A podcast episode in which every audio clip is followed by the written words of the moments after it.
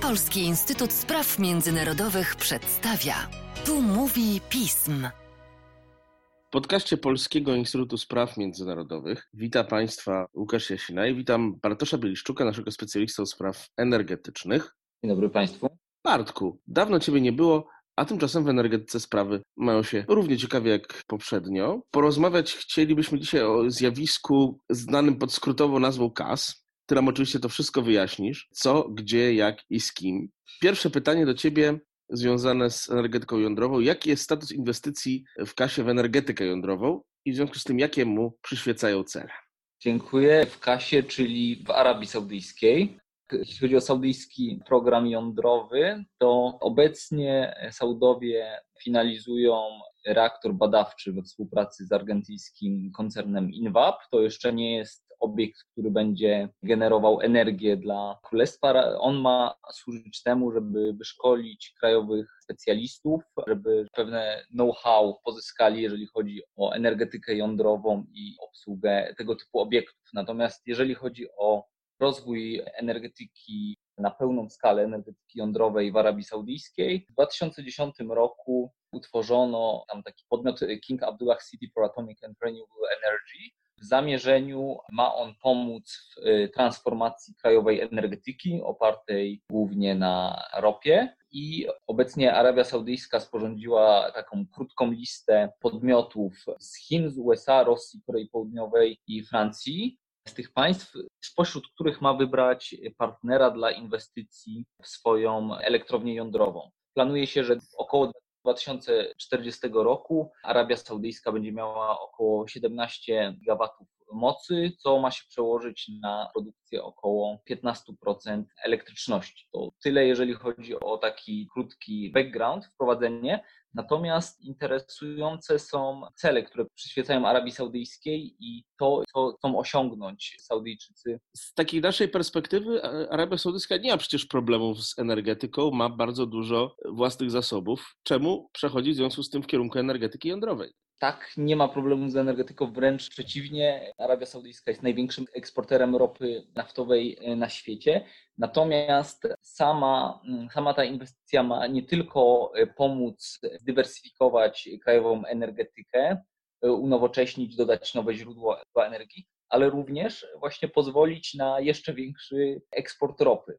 Obecnie Arabia Saudyjska zużywa około 1 trzeciej produkowanej przez siebie ropy, a około 40% energii elektrycznej jest w tym kraju wytwarzanej właśnie z jej spalania, więc pod tym względem Arabia Saudyjska jest w światowej czołówce. Natomiast nowe moce pochodzące właśnie z energetyki jądrowej, nowe dostawy prądu umożliwią zwiększenie eksportu ropy ale taka prosta ekonomiczna kalkulacja, jeżeli chodzi o eksport, to, to nie jest wszystko, jeżeli chodzi o motywację Saudów. Również warto spojrzeć na to w szerszym kontekście społecznym, gospodarczym. Populacja Arabii Saudyjskiej będzie w nadchodzących dekadach dynamicznie wzrastać. Z obecnych około 34 milionów ludzi w ciągu 10 lat ta populacja wzrośnie do około 40 milionów. To się wiąże nie tylko z większym zapotrzebowaniem na energię, ale również potrzebą e, zapewnienia chociażby wody pitnej.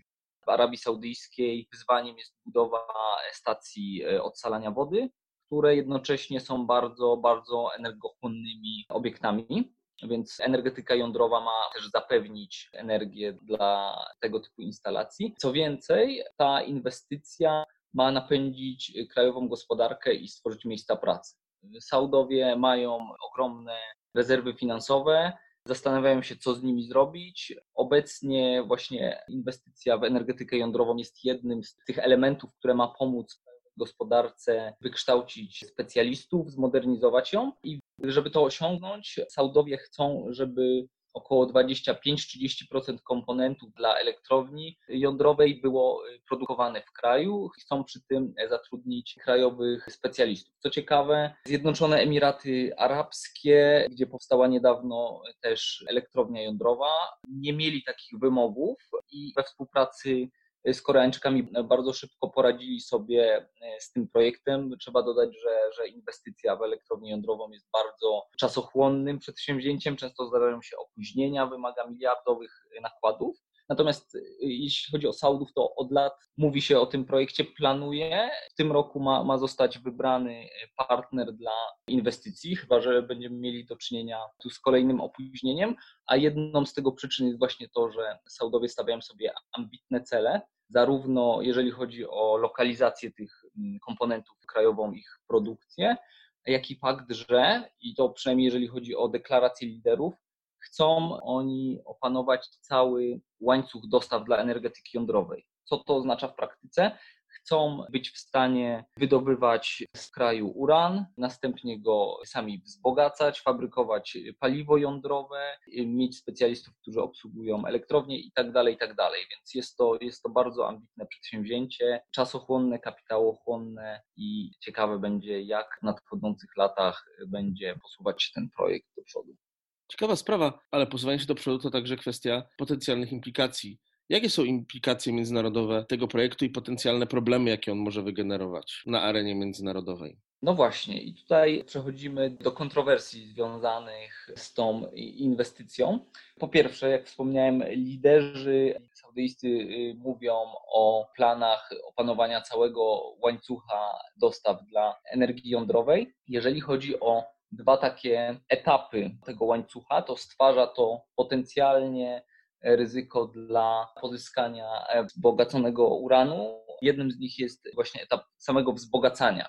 Znaczy, jeżeli kraj posiada, kraj posiada możliwości wzbogacania uranu do zastosowania energetyce jądrowej, jest w stanie także pozyskać wysoko wzbogacony uran, który ma zastosowanie militarne.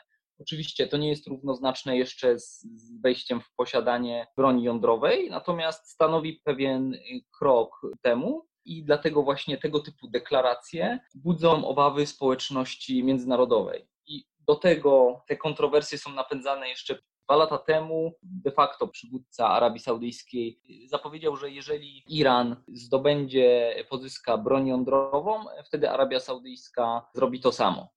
Oczywiście z dnia na dzień Saudowie nie będą w stanie wzbogacić uranu, następnie skonstruować własnej broni jądrowej itd., tak ale to rodzi pytania, czy długoterminowo Arabia Saudyjska y, nie będzie w stanie pozyskać mm, broni jądrowej. Drugą opcją też możliwą na jej pozyskanie jest pozyskanie gotowych głowic z Pakistanu. Te kraje od, od lat współpracują w tej dziedzinie. Więc to jest jedna wersja. Druga, drugą kontrowersją jest fakt, że jeżeli chodzi o broń jądrową, jest fakt, że Arabia Saudyjska nie spełnia międzynarodowych standardów określanych przez Międzynarodową Agencję Energii Atomowej, jeżeli chodzi o stosowanie zabezpieczeń i inspekcjach obiektów nuklearnych. Obecnie zawarty tak zwany Small Quantity Protocol z agencją. Co to oznacza w praktyce? To znaczy, ten protokół jest przeznaczony dla państw, które nie posiadają materiału rozszczepialnego, ale albo posiadają go w minimalnych ilościach, to znaczy na przykład dla zastosowań medycznych, prawda, gdzie, gdzie tu też różne izotopy są, są stosowane w diagnostyce, w walce z nowotworami itd., tak itd. Tak Natomiast już uruchomienie y, tego niemal ukończonego reaktora badawczego wymagałoby, żeby Arabia Saudyjska zrezygnowała z tego Small Quantity Protocol i zawarła standardowe porozumienia z Międzynarodową Agencją Energetyki Atomowej. Obecnie trwają, trwają pewne rozmowy, co daje nadzieję na to, że Arabia Saudyjska będzie spełniać wszystkie standardy, natomiast fakt, że ma zawarty ten Small Quantity Protocol budzi niepokój. Dodatkowo y, Arabia Saudyjska ma podpisany ten protokół jeszcze w starej wersji, nie zupdate'owała go tak jak inne kraje, sygnatariusze traktatu o nieproliferacji i to daje międzynarodowej agencji jeszcze mniejsze uprawnienia kontrolne, więc przy obecnym stanie prawnym, nawet jeżeli Arabia Saudyjska zaczęłaby e, wydobywać uran i wzbogacać go, agencja ma bardzo ograniczone e, możliwości kontrolne. Właśnie fakt, że Arabia Saudyjska nie ma zawartych odpowiednich porozumień, budzi kontrowersje między innymi w Stanach Zjednoczonych. Stany Zjednoczone są jednym z państw, które bardzo mocno naciskają na to, żeby inne kraje spełniały najwyższe standardy, jeżeli chodzi o e, nieproliferację. Przykładowo wspomniane już Zjednoczone Emiraty Arabskie, zanim mogły nawiązać współpracę ze Stanami Zjednoczonymi w dziedzinie cywilnej energetyki jądrowej, musiały zrzec się właśnie możliwości wzbogacania uranu, a także reprocesowania użytego paliwa jądrowego, co stanowi drugi drugi sposób na pozyskanie materiału rozszczepialnego dla budowy broni jądrowej. Kiedy Emiraty się tego zrzekły, to, to wtedy dopiero Stany Zjednoczone dały zielone światło do, do współpracy ze swoimi podmiotami. Podobnie jest w przypadku Arabii Saudyjskiej, gdzie, gdzie są właśnie dość mocne naciski, jeśli o to chodzi. I tutaj też przechodzimy do, do ciekawej kwestii, w ostatnich latach Arabia Saudyjska zacieśniła swoją współpracę z Chinami. Ostatnio pojawiły się doniesienia o odnalezieniu znaczących złóż uranu w Arabii Saudyjskiej i, i pomagali w tym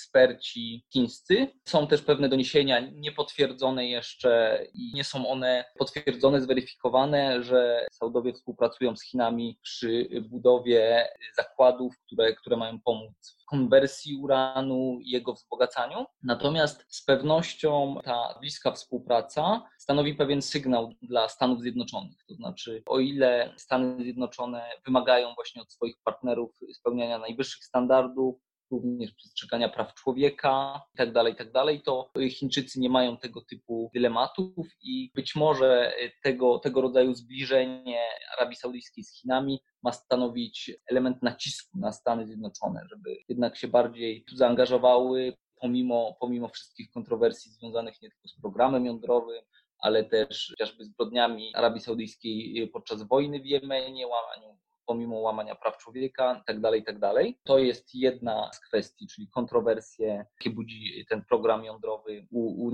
jednego z najbliższych sojuszników Stanów Zjednoczonych. Co ciekawe, tu mówimy nie tylko, nie tylko o kontrowersjach USA, Izrael też, też sprzeciwia się, czy jest zaniepokojony możliwością pozyskania broni jądrowej przez Arabię Saudyjską. No i oczywiście mamy też Iran, regionalnego rywala Arabii Saudyjskiej, który pewnością tego typu deklaracje o, o, możliwości pozyskania broni jądrowej przez Arabię Saudyjską odbiera bardzo negatywnie, a ponadto może długoterminowo, czy krótko i długoterminowo wykorzystać ten program jądrowy Arabii Saudyjskiej jako pretekst, żeby, żeby kontynuować swój własny, ewentualnie wzbogacać dalej uran u siebie. I jakie to rodzi wyzwanie dla wspólnoty międzynarodowej, no czyli również też pośrednio Polski. Arabia Saudyjska powinna spełniać wszystkie międzynarodowe standardy, jeżeli chodzi o zabezpieczenia, inspekcje itd., tak współpracę z Międzynarodową Agencją